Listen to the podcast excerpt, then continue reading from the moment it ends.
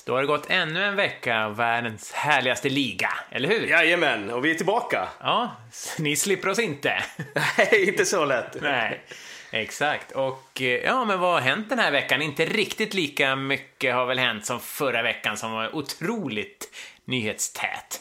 Nej, då hade vi nog strukit med om det hade hänt mer än förra veckan. Så det har Ja. varit en lite lugnare vecka, men det har trots det hänt ganska mycket. Vi kan väl inleda med eh, Washington Nationals starting pitcher Max Scherzer som nådde en milestone i söndags. Eh, tyvärr så blev ju, eller för Scherzers del, så blev ju Washington svepta av Texas och matchen förlorades med 5-1. Men eh, i den fjärde inningen, på, på i första outen i den fjärde inningen så kom ju Max Scherzers 2000 strikeout med en slider i en one-two count mot Texas leftfielder Nomar Mazara. Ja, coolt.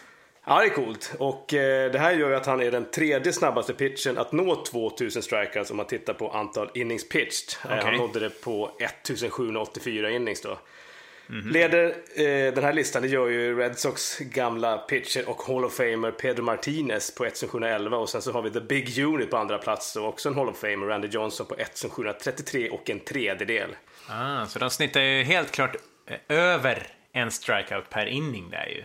Ja, och det är ju mäkta imponerande får man Ja. säga. Och eh, tittar man på antal matcher startade så ligger uh, Scherzer delad två med Nolan Ryan då. Också bakom, på första platsen ligger eh, Clayton Kershaw och Randy Johnson då. Mhm.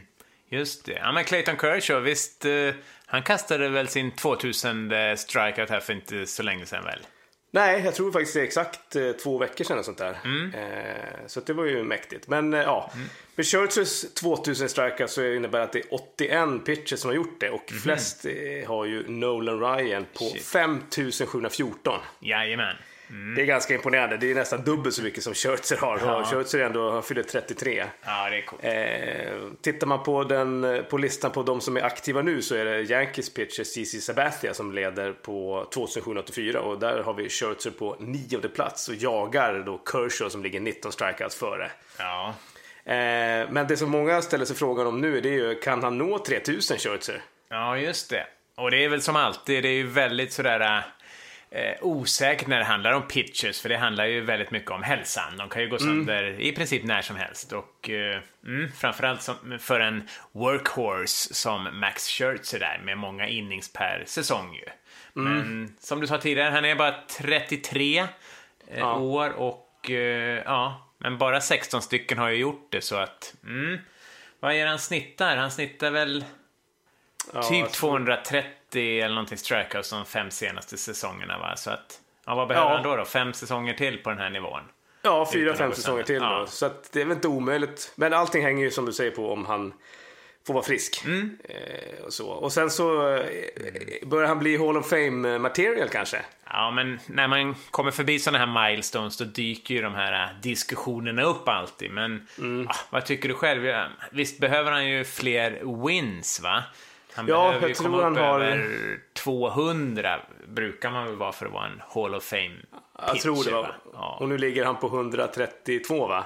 Ja, det är väl något sånt. Exakt. Eh, mm, sen behöver han väl vara bättre egentligen i postseason. Där har han väl Ja. inte varit superdominant ändå, va? Nej, vad har han för record där egentligen?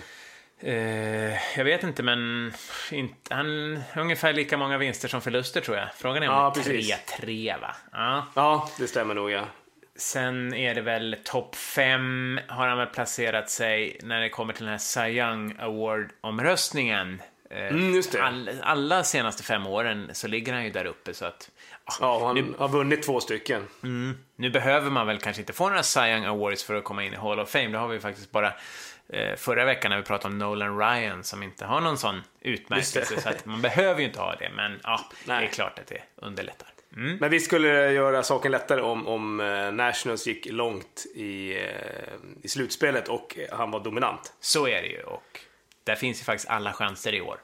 Ja, definitivt. Det vi gör Mm. Eh, vi kan ju bara dra lite kort om Scherzer. Han blev ju faktiskt vald som eh, nummer 11 Mm. i första rundan såklart, men nummer som 11th pick då av Arizona 2006 års draft. Mm. Bakom världskändisar som Luke Hochevar, Greg Reynolds, Brad Lincoln och Billy Rowell.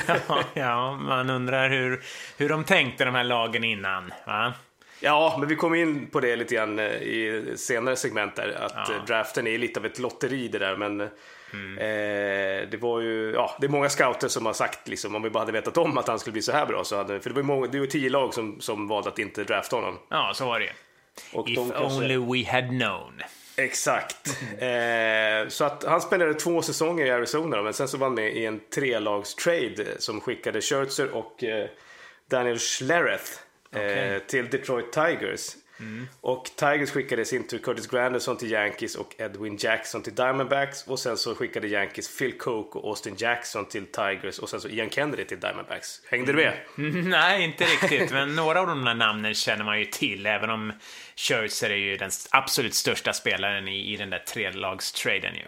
Ja, definitivt. Så att, eh, kul för Scherzer och eh, spännande att se hur han eh, fortsätter säsongen, hur Nationals fortsätter säsongen och om man får vara frisk i fem år till.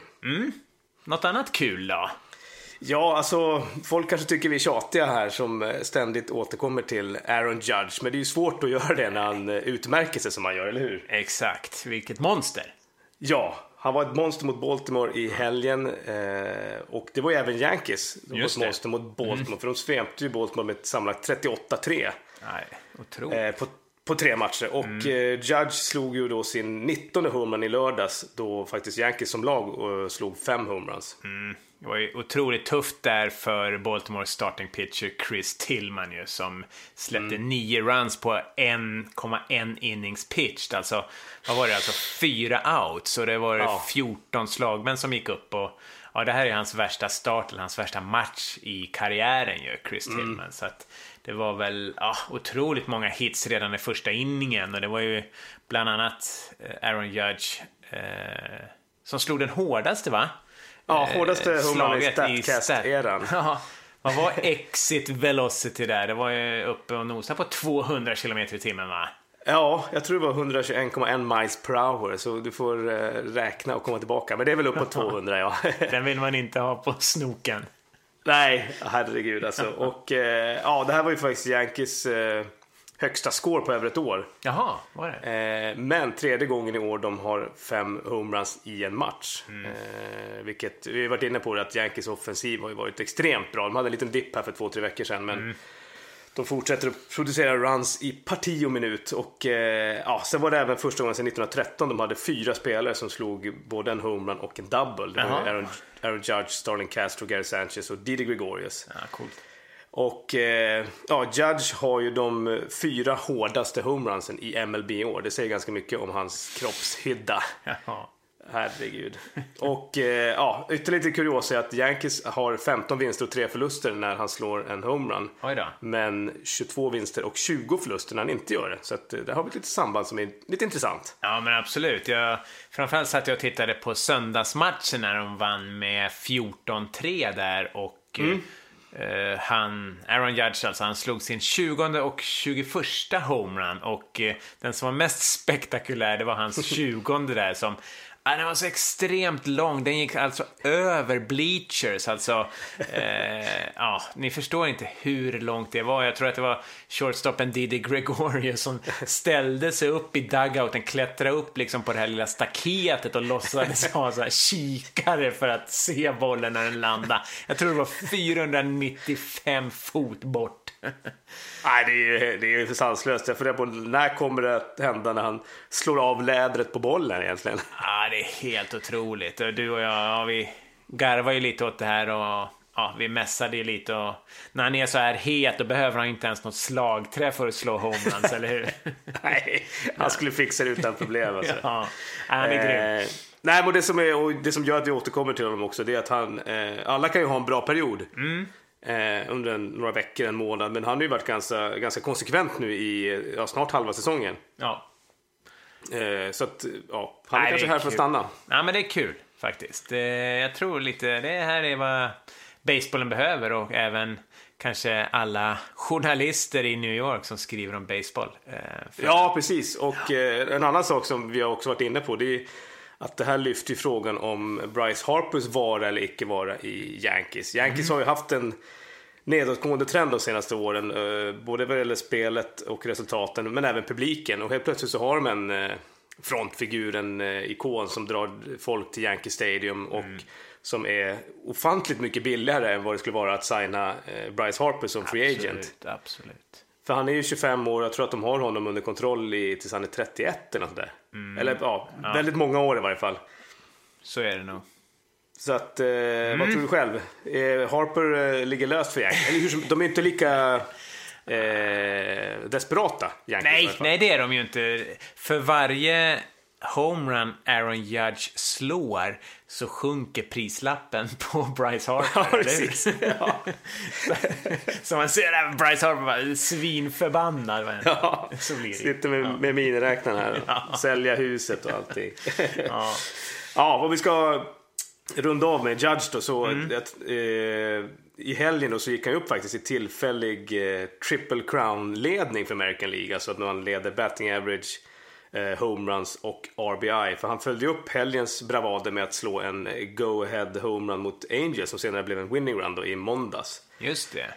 Eh, men nu tror jag att han, eh, han leder homeruns, eh, fyra homeruns före Cincinnatis Scott Schebler då om man kollar på hela MLB Jajamän. då. Men i American League så är jag liggande efter Nelson Cruz i Seattle som har en grym säsong. Han leder RBIs och Mhm. eh, Avisail Garcia i White Sox som har en tusendel bättre batting average. Okej. Eh, och ja, för att återknyta till Ryan Zimmerman som vi pratade om för några veckor sedan så Mm. eh, är han fortfarande i högsta grad också eh, med i Triple Crown-snacket i National League. Ja, vad kul. Ja. Grymt. Nej, men eh, han har ju som sagt var en betryggande ledning vad det gäller homeruns i alla fall. Vad, var vad sa du? De har, tvåorna där ligger på 18 homeruns och han är uppe på 22, eller? Hur var det? Ja, exakt, precis. Grymt! Ja, då, veckans Aaron Judge-segment då. Vi får väl se om han svalnar av eller om vi får återkomma till honom. Det är väl, troliga är väl det senare där. Precis.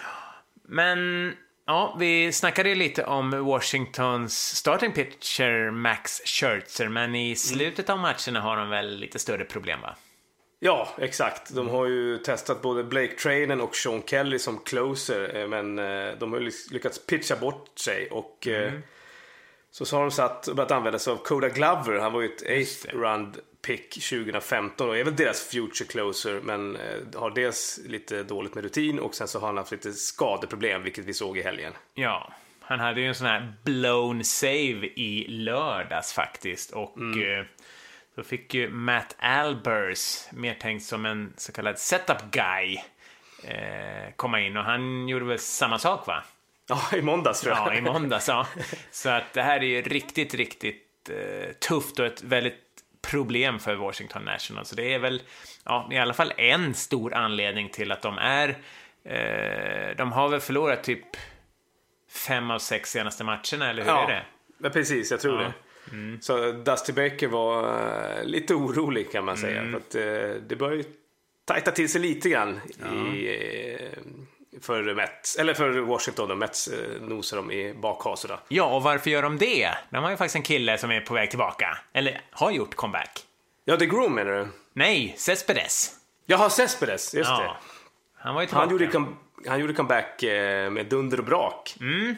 Eh, det var i lördags va, efter sex veckor på, på Disabled List så mötte ju Mets Atlanta. Och Mm. eh, hur gick det då egentligen? Ja, i sitt sista at-bat då Mets hade en ganska, ja, en skör 2-1-ledning då så slog han till med laddade baser och sotade ut den va?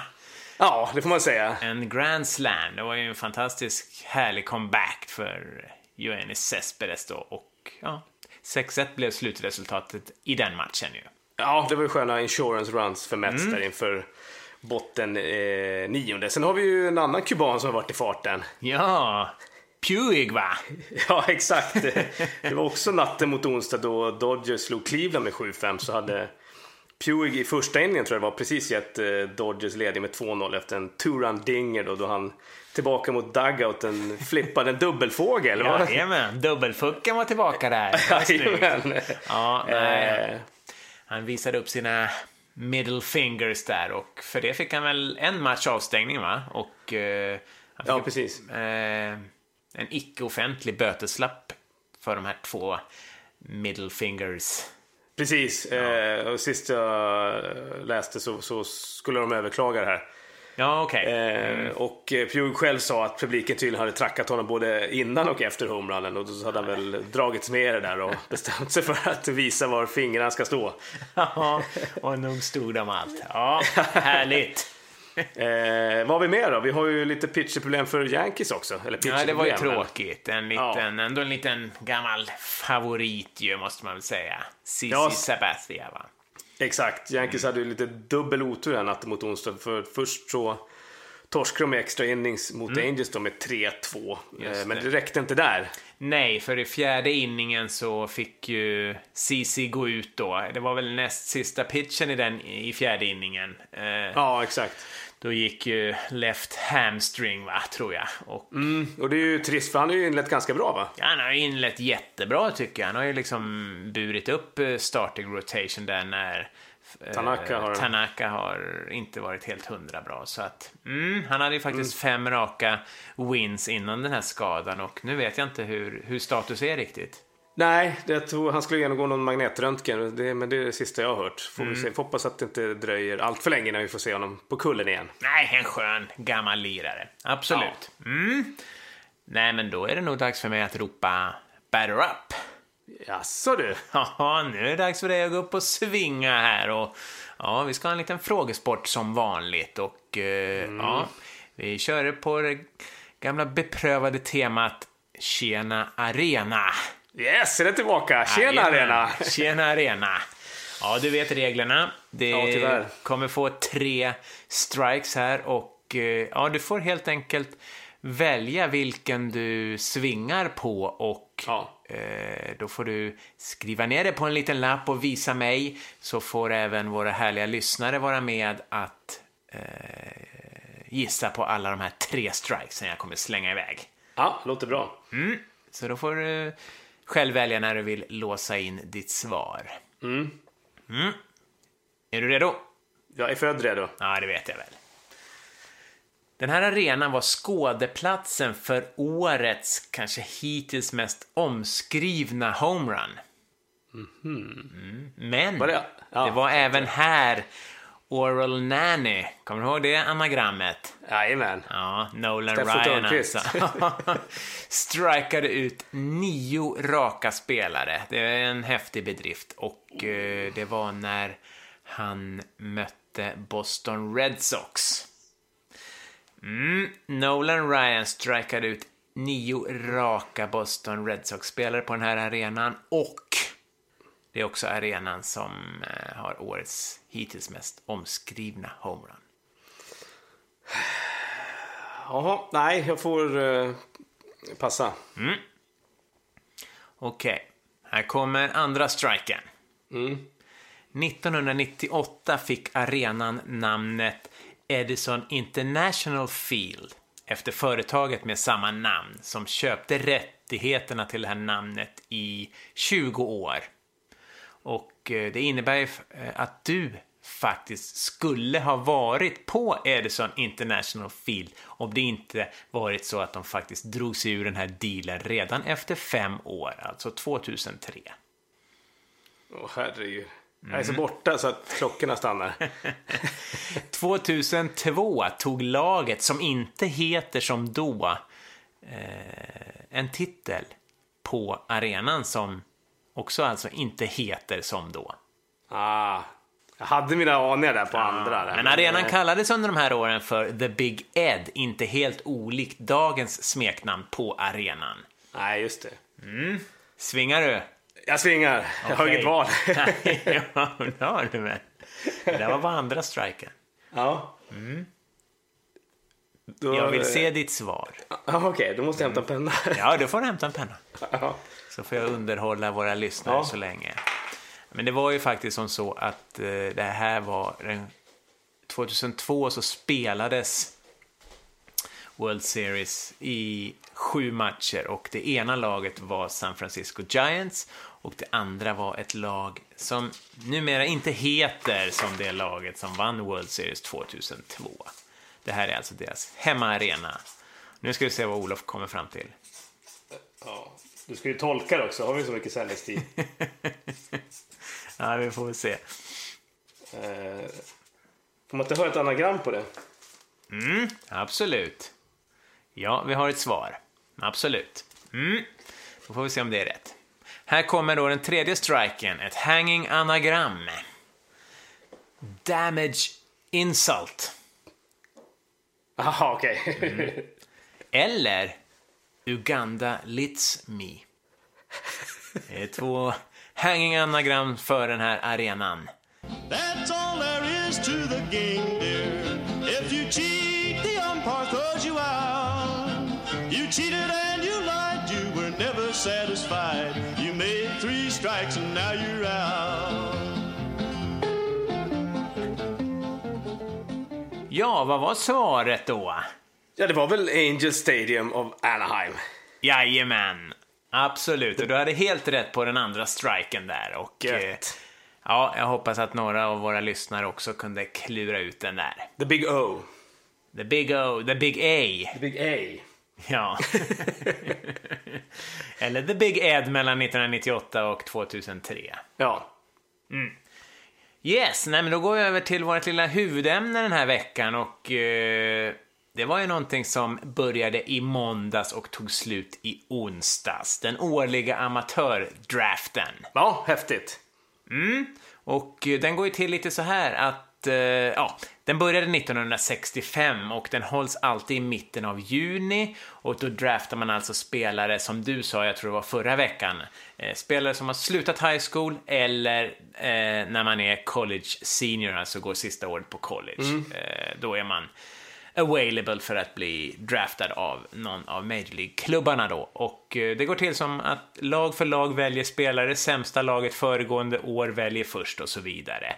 Och eh, varje lag har också en pott pengar för så kallade kontraktskrivningsbonusar till spelare eh, de draftar och eh, de här potterna de, de varierar lite och sådär, lite krångligt men ja, till första rundan har man ungefär halva hela potten tror jag. Ja. Så att, mm. Och hela den här draften pågår i 40 rundor så att alla spelare, eller alla lag väljer då i princip 40 nya unga spelare då.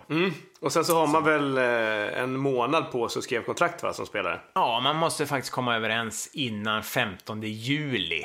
Annars, eh, annars blir det inget och då kan laget inte drafta spelaren igen nästa år eller, eller sådär. Så, utan då är det kört. Om nu inte spelaren kan faktiskt begära det, men det har nog aldrig hänt tror jag. Så, att, mm. så det börjar med en first round som absolut är den mest intressanta och i år fick alla lag utom Cleveland, Colorado och St. Louis välja eftersom ja, de här tre lagen hade under off-season signat spelare som tidigare under den här off-season då hade tackat nej till ett så kallat qualifying offer från sina klubbar. I det här fallet var det Toronto, Texas och Chicago Cubs då. Eh, och det innebar att de här klubbarna då hade två val var att göra i första rundan. Ja, exakt. Och det här har vi ju nämnt tidigare. Men vi kan väl fräscha upp minnet lite grann. Att uh, qualifying offer är ett förutbestämt kontraktsförslag som gäller över ett år då, med drygt 17 miljoner i lön. Det beror på från år till år. Det är väl genomsnittslönen och sånt där. Ja, det baseras på någonting. Ja, eh, från sin eh, innevarande klubb. Då. Och om spelaren då tackar nej till kontraktet och istället blir free agent så får klubben som tappar en spelare överta spelarens nya klubbs draft pick i, ja, i draften. Då. Förutsatt att spelaren skriver ett nytt kontrakt som free agent. Eh, just det. och det här gör då alltså som ett exempel att Toronto Blue Jays får välja två spelare i första rundan och Cleveland ingen eftersom Irvin Encarnacion inte tog the qualifying offer från Toronto utan blev free agent som lockades till Cleveland då. Eh, Men efter det nya fräscha eh, CBA Collective Bargain Agreement så innebär det att det här är sista året med den här lösningen. Ja, så att eh, den här draften är sista gången vi får, får se det här. Och eh, mm, lite andra specialgrejer mellan rundorna är att mellan första och andra rundan och mellan andra och tredje rundan så squeezar man in något som man kallar competitive balance picks där klubbarna som antingen har de minsta marknaderna eller lägsta omsättningen får några extra val faktiskt. Eh, ja, men det tycker jag det är ganska schysst och, och bra gjort. Och ja, efter first round så kommer ju s- självklart the second round. Alltså. Eh, ja. Och alla 30 lagen får ja, ta spelare i samma ordning. Och eh, Mm. Det var ganska intressant faktiskt att eh, valet i andra rundan för St. Louis eh, Cardinals och ett annat val tror jag lite senare fick de ge bort till Houston Astros på grund av att de faktiskt har gjort intrång i Houston Astros eh, databas över spelare. Just det, det var, var det förra säsongen? ska- var det förra, förra de... eh, Ja, jag kommer inte ihåg. Det har pågått länge den här utredningen då och nu har de väl kommit fram till att Cardinals då eh, har gjort sig skyldiga till det här dataintrånget. Ja. Och får pröjsa med att lämna över några av de här draftvalen då till Houston. Ja, det kan bli kostsamt det där. Alltså. Men eh, Mm. ja, efter det här så rullar det bara på. Va? Tredje rundan till Ja. 40 rullar väl på utan krångel. Jo, men så är det ju. Det, ja, och det är ju som jag tror att du sa förra veckan att då är de inne och nosar i, i Litauen och Sverige när de kommer där på 37-38 rundan. Nej, så är det väl inte, men Det är många spelare blir det. Ja. Men snacket innan handlar ju såklart jättemycket om liksom det här prestigefulla first pick ju. Och det är ju faktiskt några stora namn historiskt sett som har blivit så kallade first picks. Man kan ju börja, ja, vi kan ju börja på 90-talet, 1990 det var ju shortstopen Chipper Jones som har haft en fantastisk karriär i Atlanta. Och eh, även 93 Alex Rodriguez, 99 Josh Hamilton, Adrian Gonzalez 2000 och 2001 Joe Mauer som är i Minnesota. Och eh, en kille som vi har pratat mycket om senaste tiden det är ju Bostons vänsterhänta pitcher David Price. Eh, som draftades som första av eh, Tampa Bay då 2007. Och ja, 2009 eh, Steven Strasburg som draftades av Washington Nationals. Deras pitcher S Ja, faktiskt. och det var väl samma år som eh, Mike Trout gick som 25 val va, i draften tror jag. Ja, det är ganska intressant att det faktiskt var då 24 val innan där Mike Trout inte valdes. Och vi kan ju titta lite på vilka spelare som gick före honom det året och jämföra hans så att säga karriär-war, alltså wins above replacement, alltså segrar utöver en, en medelmåtta. Vi kan jämföra hans då, fe, han har ju skrapat ihop 52 sådana wins eh, de här åren sedan han draftades med några andra. Eh, kan vi göra för att jämföra lite. Absolut. Och där hade ju Strasberg har ju faktiskt totalt sett 22 i war. Det är ändå ganska bra. Ja, det får man säga. Ja, men till exempel San Diegos första val det året, när Trout alltså fanns ledig, var Donovan Tate som aldrig ens nådde Major League. Ja, just det. Det är helt otroligt. Och samma sak med Orioles då som valde ja, Matt Hobgood. Känner du till han? Ja, ja. Skojar gör inte du det? Eller vad sägs om eh, Oaklands katastrofval Grant Green som har minus ett i war. Ja, det är inte bra. Nej. Han, Grant Green valdes alltså före Mike Trout. Ja, det är helt sanslöst alltså. Men de lag som inte behöver skämmas är ändå Cincinnati som, som åttonde lag valde Mike Leake och eh, Mm. även Arizona som, som sjuttonde lag valde A.J. Pollock. För bägge de är två har ett war över 16 då. Ja, nej men det är ju normalt, det är ju riktigt bra ändå. Alltså om det nu inte hade varit för att Mike Trout då ändå fanns ledig, eller hur? Ja men absolut, visst är det så. Eh, Men ja, tillsammans har ju alltså de här 24 spelarna som valdes innan Trout skrapat ihop 90 så kallade extra segrar till sina lag på, eh, på, på drygt åtta år då, tillsammans. Eh, Angels klippte alltså till och fick över 52 segrar på ett enda val. Ja, och eh, hans karriär är ju långt ifrån över också, så att det måste man ju ta in i beräkningen. Ja, visst. Ja, det är fantastiskt ändå. Och det ger väl ändå lite hopp för de klubbarna liksom, eh, som inte får välja först. Att eh, ja, man kanske kan komma på en liten juvel längre ner i, i listorna. Ja, men exakt. Ja, vi kan ta de senaste årens eh, first picken då. Det var ju Bryce Harper, eh, Pittsburghs eh, högerhänta pitcher Jarrett Cole och Carlos Correa gick ju 2012 som first pick. Och, Ja. Ja, en kille vi har snackat lite om tidigare, Dansby Swanson. Eh, shortstop. Och senast här nu faktiskt, förra året, Mickey Moniak. Just det. Som ju togs av Philadelphia. Ja, eh, han hade bestämt har sig för att... sen? Han hade bestämt sig för att spela college baseball för UCLA då, men Mhm. han började faktiskt vägen till MLB då den 20 juni genom att starta i minors då och eh, Mm. han fick ju faktiskt 6,1 miljoner dollar i signing bonus. Och eh, inledde, på, inledde 2016 rookie level, eh, på rookie level Gulf Coast Phillies tror jag det var va? Och eh, Yes. nu spelar han low A-ball i Lakewood Blue Cloth, Claws i South Atlantic League. Eh, och han rankas som eh, Phillies andra bästa prospect faktiskt efter shortstopen JP Crawford. Ja, men vad kan vi tro där? Alltså om det, om det följer på som det brukar så kanske han ändå är uppe i Phillies om en tre år, kanske två, tre år. Och då kanske Phillies, ja det här är ju en stor del i deras rebuilding såklart. Så att, mm, Ja, Nicky de- Monia kanske är en spelare vi får höra mer om. Ja, vi hoppas det alltså. Och eh, Phillies hoppas ju nog väldigt, väldigt mycket på honom. Ja, det är klart. Eh, ja. Annars kan man ju säga att sedan 1965 så har sådana här eh, första val haft lite olika öden. Eh, 23 stycken har ändå gått vidare och blivit så kallade All-Stars, fått vara med i All-Star-lag och sådär och det är väl ändå okej. Eh, tre stycken på alla de här åren har fått eh, Rookie of the Year Award, bland annat Bryce Harper var väl senast som fick den då. Och, Ja. men bara en av alla första val eh, har blivit invald i Hall of Fame och det är Ken Griffey Jr. Det är lite intressant det då faktiskt. Några andra grejer, alltså två spelare har aldrig ens kommit till eh, Major League. Ouch. Det var lite missräkningar för de som hade första valen de åren. Ja, fy fan. Ja. Sen kan man tro, jag trodde att det var väldigt, väldigt ovanligt att, att man valde spelare från high school, för de är ju ganska mycket yngre liksom. Men faktiskt hälften av alla eh, första val är spelare som har gått ut high school och hälften är sådana som har gått ut eh, universitetet eller college-nivån där. Jaha. Så, mm.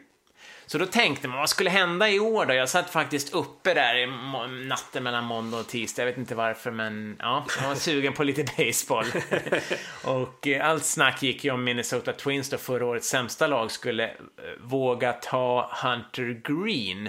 För det är en, alltså en high school pitcher och mm, Ja, så, för det är väl så att historiskt sett så har ju inte det varit så jättelyckosamt va?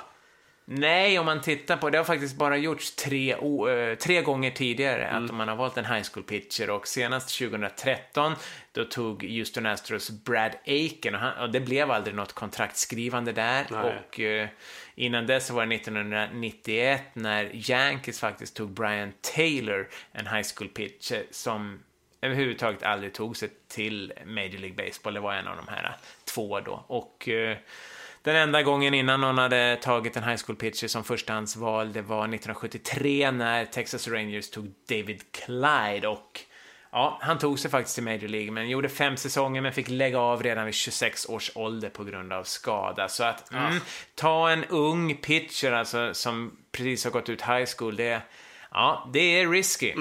Så det var vågat. Så att, mm.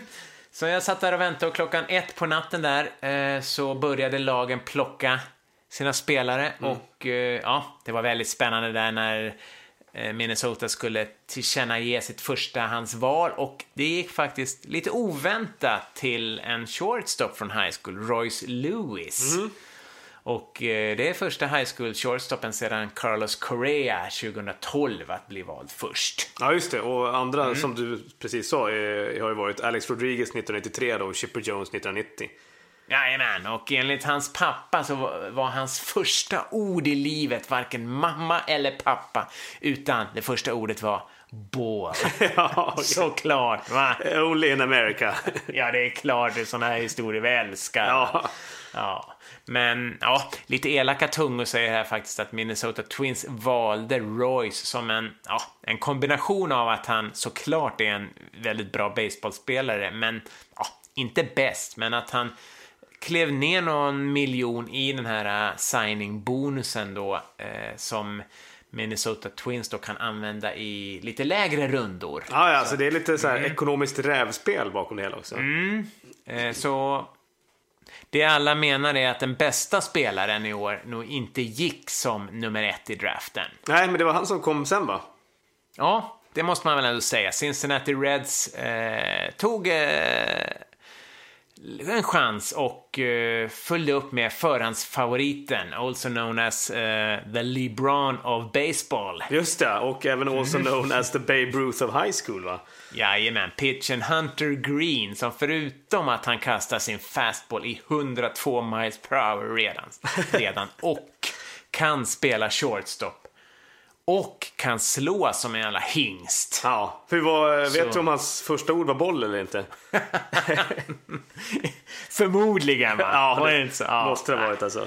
Ja. Nej, men det är en otroligt spännande spelare som är ja, en superduktig pitcher men också en superduktig shortstop och eh, ja, som kan slå. Så att, mm. Men som jag sa tidigare, här tar Cincinnati Reds en risk som signar en high school pitcher, så är det. Ja. Eh, jag läste att det här var faktiskt första gången på snart 15 år tror jag som de två första valen har hamnat på eh, två snubbar då med African American föräldrar. Ja, och det här har fått en del uppmärksamhet för att mm, vissa tycker att eh, det här är något som basebollen faktiskt behöver. Det har blivit en sport mer och mer för den övre medelklassen där faktiskt bara 8% av spelarna idag i, i Major League är svarta. Och eh, där slagtränarna börjar tendera till att kosta minst 300 dollar styck och där Herregud. ligan har satsat hårt på att öka ekonomiskt. Alltså det är money, money, money där som gäller. Ja, och det här var ju Adam Jones inne på förra säsongen. Fick mycket skit för det, men det har han ju rätt i. Och Ja. precis som du säger, det är money, money, money som gäller. Ligan har gått från en årlig intäkt på drygt eh, en miljard dollar till 10 miljarder dollar de senaste 20 åren bara. Ja, och eh, mm, mm, som liga så kanske man får tänka till lite så att det inte blir en, bara en, liksom en rikemanssport här alltså. Så att, mm, Nej, det är bra med lite eh, mångfald. ja. Well, well, som eh, nummer tre då på listan så plockade San Diego Padres i alla fall också en high school pitcher, Mackenzie Gore. Och eh, om vi går vidare så på fjärde plats så var det Tampa Bays tur och eh, de valde var de flesta kallar för the best college player ever. Pitchen och första basmannen Brendan McKay. Oj då, det förpliktigar alltså. Ja, ja, det är en del spelare som har gått på college. Att, att vara best play, college player ever, det, ja, det är väl en liten tyngd på axlarna. Ja, det får man säga. Men han kommer troligtvis att ta the fast lane till the big leagues va? Ja, men det sägs så. Han ska väl i princip vara färdigbakad här efter sina collegeår. Och mm, en liten bake-off-spelare helt enkelt. Ja. Så att, mm. Eh, men det var väl så också att eh, både Hunter Green och Brendan McKay, eh, som ja, först och främst kanske är pitchers, men de är också så kallade two-way players. Jaha, vad är det för någonting då? Jo, men det, är alltså, det betyder att de både kan pitcha väldigt bra och att de producerar väldigt mycket framåt, alltså offensivt. De slår riktigt bra. Och eh, ja, att sådana här spelare, alltså two-way players, togs som redan som val två och som fyra. Det menar många att det kanske är en liten utveckling här, eh, eller en liten trend då, med en mer allround-kunniga spelare. För det var faktiskt som så att till och med sex av de 14 första valen var så kallade two-way players. Så att, mm, det här tycker jag är intressant och eh, både Cincinnati Reds för Hunter Greens del och Tampa Bay Rays för Brendan McKays del verkar vara öppna för det här och att de ska få fortsätta utveckla båda sina sidor som spelare eh, och få spela både som pitchers i, eller i bådas fall då, Brendan McKays del first base och eh, shortstop för Hunter Greens del, eh, även i, i minor League. Så att vi får väl se hur länge de får göra det, för ja, det är svårt att tro att de kanske ska dubblera i Major League. Ja, men det är ju bra att hålla dörren öppen. Ja, absolut. Och eh, ja, kan vi bara sy ihop det hela med att Atlanta valde som nummer fem så valde de college pitchen och lite av en favorit bland många, eh, Kyle Wright. Så att, ja, sen somnade jag faktiskt där mitt i tisdagsnatten. Det tar ju sån evinnerlig tid mellan de här draftpicksen. Ja. Så att, ja, det var det jag hade mm, om draften där. Har du något mer där eller? Ah, jag såg ju inte draften, men jag kan ha väl lite så här draft-kuriosa som jag kanske kan dra snabbt. Eh, om vi tar Ja. Mike Piazza som många anser vara the best hitting catch of all time. Han spelade ju första bas, det var ingen som brydde sig om honom. Eh, men hans farsa var barndomskompis med dåvarande Dodgers-coachen som vi såg på eh, permobil här i april tidigare. Ja. Tommy Lasorda. Så han ringde upp honom och sa till Tommy då att de hörde om inte något annat lag väljer Mike, kan inte ni göra det? då?"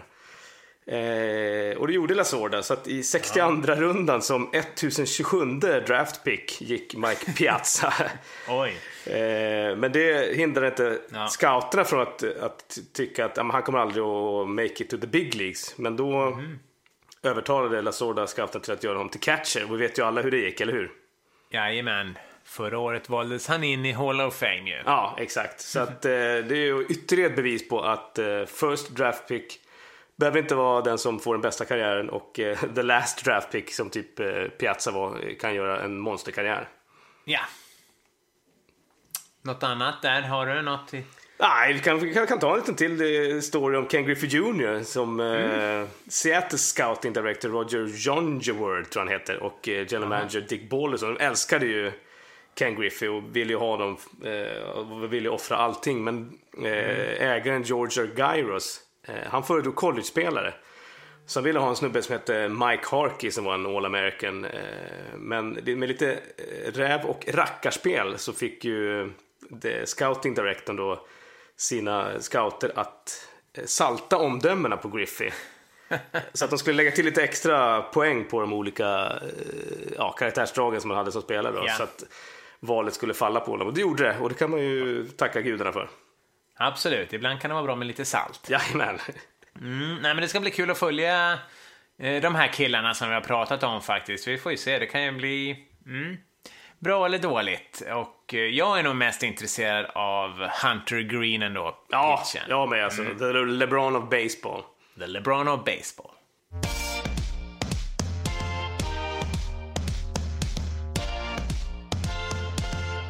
Felix, du hade en, hade en fråga till mig? Ja, men då har vi kommit fram till mitt favoritsegment här i podden. Yes, äntligen. Felix. Jajamän, veckans fråga. Mm, vad har vi i inboxen som ligger och väntar? Mm, ska jag läsa? Får jag förnyat förtroende? Det får du. Mm. Hej! Jag kommer vara i Washington i september när Nationals möter Dodgers. Vilken match ska jag satsa på tycker ni? Fredag kväll eller lördag dag? Mhm. Mm. Vad tror du där då? ja, alltså för det första vilken serie han kommer få se. Ja, fantastisk och eh, vi gjorde ju som så att vi bollade över frågan till vår vän Fredrik på US Sports Nerd som faktiskt bor i Washington. Och eh, ja, han har ju blykoll ju. Så att, eh, vad svarade han? Ja, det, han kommer lite bra input här. Alltså för det första så, och det antar jag gäller även i september då, kanske beroende på när i september då, men dagmatcherna kan ju vara sjukt varma. Ja. Eh, han skriver så här, idag, och det här var ju söndags då, kommer det att vara 35 grader när man ropar ut Let's play ball och då eh, kanske man bör sitta under tak eller eh, ha med sig någon solkräm till skillnad från vad jag brukar ha på Angel Stadium. Ja, du, du var inte... Petco Park. Fick du för fan tredje gradens brännskador på. Ja, Ja, det är inte så att man lär sig heller. Nej. Eh, sen så säger han vidare att det är en enorm skillnad på fredagskvällen och lördag dag. Fredagskvällen så är det ju mycket mera folk, bättre Ja. stämning. Jag kan tänka mig helgen har kommit, folk har jobbat, man hinkar lite bärs. Eh, det här säger ju då till Fredrik det sista, det var jag som lade till det. Eh, men på lördagen så är det barnfamiljer i, i mängder. Då. Och eh, Fredrik säger så här, jag skulle satsa på fredagskvällen och åka till Navy Yard som då är alltså området där arenan ligger. Det har ju hänt jättemycket där sen, sen Nationals kom till Washington. Eh, så dit ska man åka runt 2-3 då. Eh, Just det. Och, och eh, ja, det finns till exempel många nya bra ställen vid vattnet att gå på innan matchen. Och sen så, något som är bra är att man inte behöver boka i förväg. Det finns ju alltid biljetter. Eh, och kan man se en match med Money Max, Max Scherzer, så är det gjutet. ja. Han, han är ju mäktig. Jag vet inte, du har också varit där. Har du något att tillägga?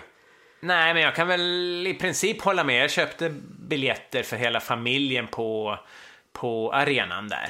Eh, och vi var på en dagmatch var vi i och för sig, men de har också ett, eh, ett uppbyggt liksom activity town där med konserter och där man kan testa och spela och grejer precis utanför arenan. Så det är jäkla trevligt med lite barbecue och sådär. Så att, eh, ja. Jag kan ju också bara tipsa, man ska nog inte ta bilen dit för jag såg inga liksom, parkeringsplatser direkt sådär utan man får nog ta ja, taxi eller vi gick faktiskt inifrån centrala eh, från eh, Vita huset men det Mm, hur lång tid tog det då? Ja men det tog alldeles för lång tid. Ja, okej. Två dagar alltså. ja. Nej, vi kom på det på vägen tillbaka liksom. Det, mm. det tog säkert två timmar tillbaka till eh, The National Mall. Men det är Mm. ändå en fin, eh, fin... eh, jag gillar arenan. Jag vet att Fredrik, vi pratade lite med honom när vi träffade honom i Phoenix tidigare i våras. Och Ja.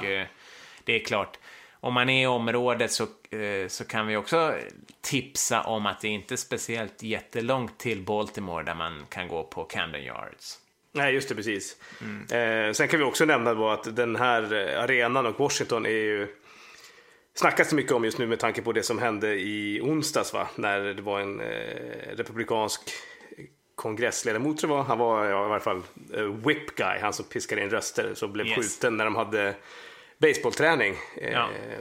Så att, eh, ja, de hade väl någon slags minnesstund eller någon eh, ja, ceremoni i, i onsdags kväll, tror jag. Yes. Eh, ja, men vi får hoppas att eh, svaret på frågan är till förnöjelse. Ja, jag vet inte vad det var för svar, men det var ju grymt. Fredrik sitter ju inne på jättemycket expertkunskaper där, så att vi kan väl också tipsa om att ta kontakt med US Sportsner där också, så kanske du kan hooka upp med Fredrik som alltid är sugen på att gå på match ju, så att Ja, absolut. Gött. yes. Nej men, vad 17, då är det tyvärr redan dags att avrunda den här veckans avsnitt. Ja, tänk vad snabbt det går. Men baseballintresserade ska inte gråta blod, för det pågår ju faktiskt något roligt både på Skarpnäck i Stockholm, Federations Cup Qualifier, lite internationell baseball på svensk mark. Det är kul. Mm. Och den här turneringen har ju redan börjat och eh, mm, för Stockholms del har det gått både bra och dåligt. De har åkt på två förluster än så länge, både mot då ska vi se, Sant Bui, det här eh, laget från Barcelona, åkte de på pisk mot. Men de slog faktiskt väldigt roligt London Mets. Oj då. När Stockholm hade Ilan Tsubata på kullen. En, jag tror han är hawaiiansk pitcher faktiskt. Asså? Eh, ja, eller född i alla fall på Hon- Honolulu. Men han hade en complete game där, nio innings pitch och släppte bara en earned run. Så att Stockholm vann den matchen med 2-1. Ja, Okej, grymt. då har, att- har de fortfarande chansen då, eller? Ja, men de är med i matchen även om de... Mm, det blir kanske svårt att ta sig ända till finalen som spelas på lördag. Men ja, är man i faggorna så ska man absolut ta sig ut till Skarpnäck. Eh, ja, finalen börjar klockan två, men var där gärna lite tidigare för jag såg faktiskt att våran gamla sponsor Swedish Birch Bats kommer vara där och man kommer få testa deras grejer. Så att Ja, bara just en sån sak. Ja. Och eh, då kan ni också få höra våran jingel som kommer förmodligen spelas upp i några innings där, inningsbyten. Ha? Ja, det är därför folk kommer dit. Bara därför. Va? ja, Bättre än lördagsgodiset. Jajamän. Mm. Oj, oj, oj. Nej, men eh, ta chansen. Det ser lite roliga spelare och lite internationell baseball när det finns att tillgå på hemmaplan. Det är ju inte varje helg, så att Nej, verkligen. kan väl också säga faktiskt att om man är lite närmare Skövde så kan man också gå på Baltic Softball Open som spelas på Saints Park. Det är både herrar och damer och där är det Sverige, Danmark, Litauen och lite oväntat outsidern Venezuela som ska spela lite matcher och ja, Oj, det var rätt schysst. ja ta med sig en liten kylväska med godsaker dit och kolla på lite softball. Det vore, ja, det är grymt. Ja, verkligen. Nej, sen har vi ju de här goa sociala medierna. Vi heter veckans MLB. Vi lämnar väl det där. Följ oss helt enkelt. Leta upp oss om ni vill prata med oss. Yes. Och om ni inte kan komma till varken Skarpnäck eller Skövde så kan ni slå på MLB TV och kolla på lite matcher i helgen. Vad har vi där? Ja, vi har några schyssta matcher. Vi börjar med Washington, eh, New York Mets. Har ju blivit lite intressant nu när Washington eh, ja, går lite kräftgång.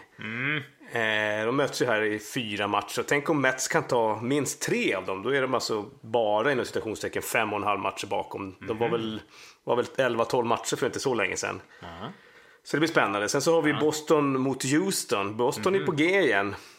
Ja. Eh, lite upp och ner i fredag, men de har ju fått vittring på Yankees nu som har torskat två matcher i rad. Eh, Och Houston, ja. de har ju gått neråt sen förra veckan när vi eh, boostar dem. Det är så vi jobbar helt enkelt. Jajamän. Eh, och sen så slutligen så har vi ju toppmötet då i American League Central där eh, Cleveland åker till Minnesota. De, Cleveland hakar på Minnesota, vägrar Mm. ge sig. Och de har ju faktiskt chansen att gå om här, för vi vet ju alla att Minnesota är ju ett av de sämsta hemmalagen i MLB. De är ju 13-20 hemma. Så att kanske det är läge för en sweep och att eh, ta tillbaka första platsen för Oj, Cleveland.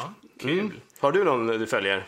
Nej, men jag tänkte, eh, jag såg att Interleague-spel, alltså när American League och National League möts, eh, den företeelsen fyller 20 år den här veckan och eh, de lagen som Interleague spelar den här helgen, det är St. Louis Cardinals eh, som gästar Baltimore Orioles. Och Ja. eh, då kan man fråga sig varför möts St. Louis Cardinals mot Baltimore Orioles? För det är ju alltid så att det brukar, de brukar hitta på matchup som har en story liksom, som finns en koppling, antingen att de har mötts i World Series att, eller att det finns en rivalitet eller någonting. Och, Men just St. Louis Baltimore kanske inte alla exakt vet om, men det var ju faktiskt som så väl att Orioles, hur var det nu, du tog upp det här förra säsongen? Ja, alltså Orioles var ju franchise i över... Nej, Orioles som franchise var ju i över 50 år, St. Louis Browns tror jag var. Ja, just det. 1902 till 1953, innan man då flytt, 1954 flyttade till Baltimore. Visst var det så? Ja, så att eh, på, där har du ju en tydlig liksom St. Louis-koppling för Baltimore Orioles. Och för att bara krångla till ännu mer så var det ju som så att det Baltimore Orioles som fanns i staden innan 1954 flyttade och blev ju New York Yankees, kommer du ihåg det? Ja, just det. Ja. Ja, det är en jävla härva det där. Alltså. men, men, vad dricker man till helgens matcher? Ja, men det vet du, det vet jag, det vet alla. Man dricker ju en iskall flaska Budweiser. King of Beers. King of beers. Yes, något mer då? Vad Mm. Ja, men vi har en liten rolig grej här eh, och, eh, som vi kanske vurmar lite extra för just eftersom vi har tagit upp det dels i P3 i Riksradio och eh, även i, under några avsnitt här att eh, när vi ska få se den första kvinnliga pitchen i MLB och ett litet steg på vägen kunde vi se här för några dagar sedan när Claire Eccles, historisk som första kvinna i West Coast League eh, gjorde debut. Och West Coast League är ju en Collegiate Summer Baseball League. Just det. Så, eh, den här ligan, det är väl... Man har väl gjort det för att eh, utveckla potentiella college-spelare, var det inte så? Ja, exakt. Som eh, spelas på sommaren då. Ja, och det drivs precis som minor League-lag. Mm. Och eh, exempel på forna spelare som har gått den här vägen är ju Chris Davis i Baltimore Orioles och Mm. Jacoby Ellsbury, eh, centerfielden i New York Yankees, som tyvärr är, är borta nu va, på grund av hjärnskakning. Men Ja, exakt. Ja, Inga den dussinspelare direkt. Fram. Nej, verkligen inte. Och Så att det här är en av många vägar fram till Major League. Exakt. Och eh, det här var ju då en match mellan Victoria Harbour Cats och Wenatchee Apple Sox, är mäktigt namn. Jajamän. I onsdags var det ja. Eh, och eh, ja, Apple Sox eh, ledde med 7-0 i den sjunde inningen på Royal Athletic Park i Victoria, BC då. Eh, och eh, ah, det var inte det som fick igång publiken på dem. Som var, det var dryga 1200 personer. De brydde sig om resultatet direkt utan de eh, tittade mest på vem som värmde i Bulpen. Eh, och det var ju Claire då som till Ja. slut då fick gå ut till eh, kullen då under standing ovations. Eh, och ja, det gick väl helt okej. Alltså, hon walkade första slagmannen, sen blev det en wild pitch. Antagligen för att hon kanske var nervös, jag vet inte. Sen blev det en, ett, en enkel out och pitcher till första bas. Sen så stals det till tredje bas och så blev det en sack fly. Och sen så blev det en fly out i, till left field då. Som släppte en run i åttonde. Sen så i nionde började hon eh, väldigt stabilt. Två groundouts och sen så blev det en hit by pitch. Stolen base, RBI single och så till sist en flyout till right field då. Eh, men sammanfattningsvis två innings pitched, en hit, två earn rounds, en walk och en hit by pitch då för Claire Eccles som dessutom är en knuckleballer.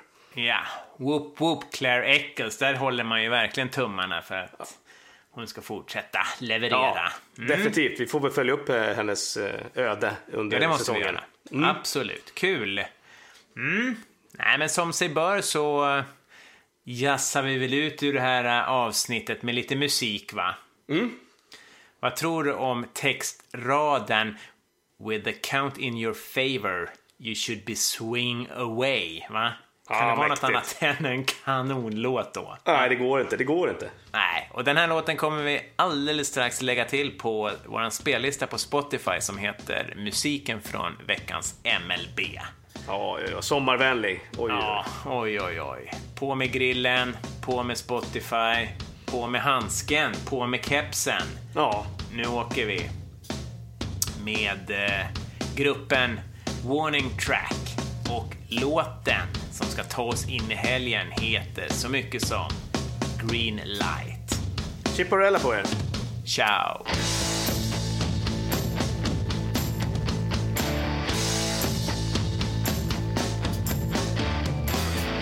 With the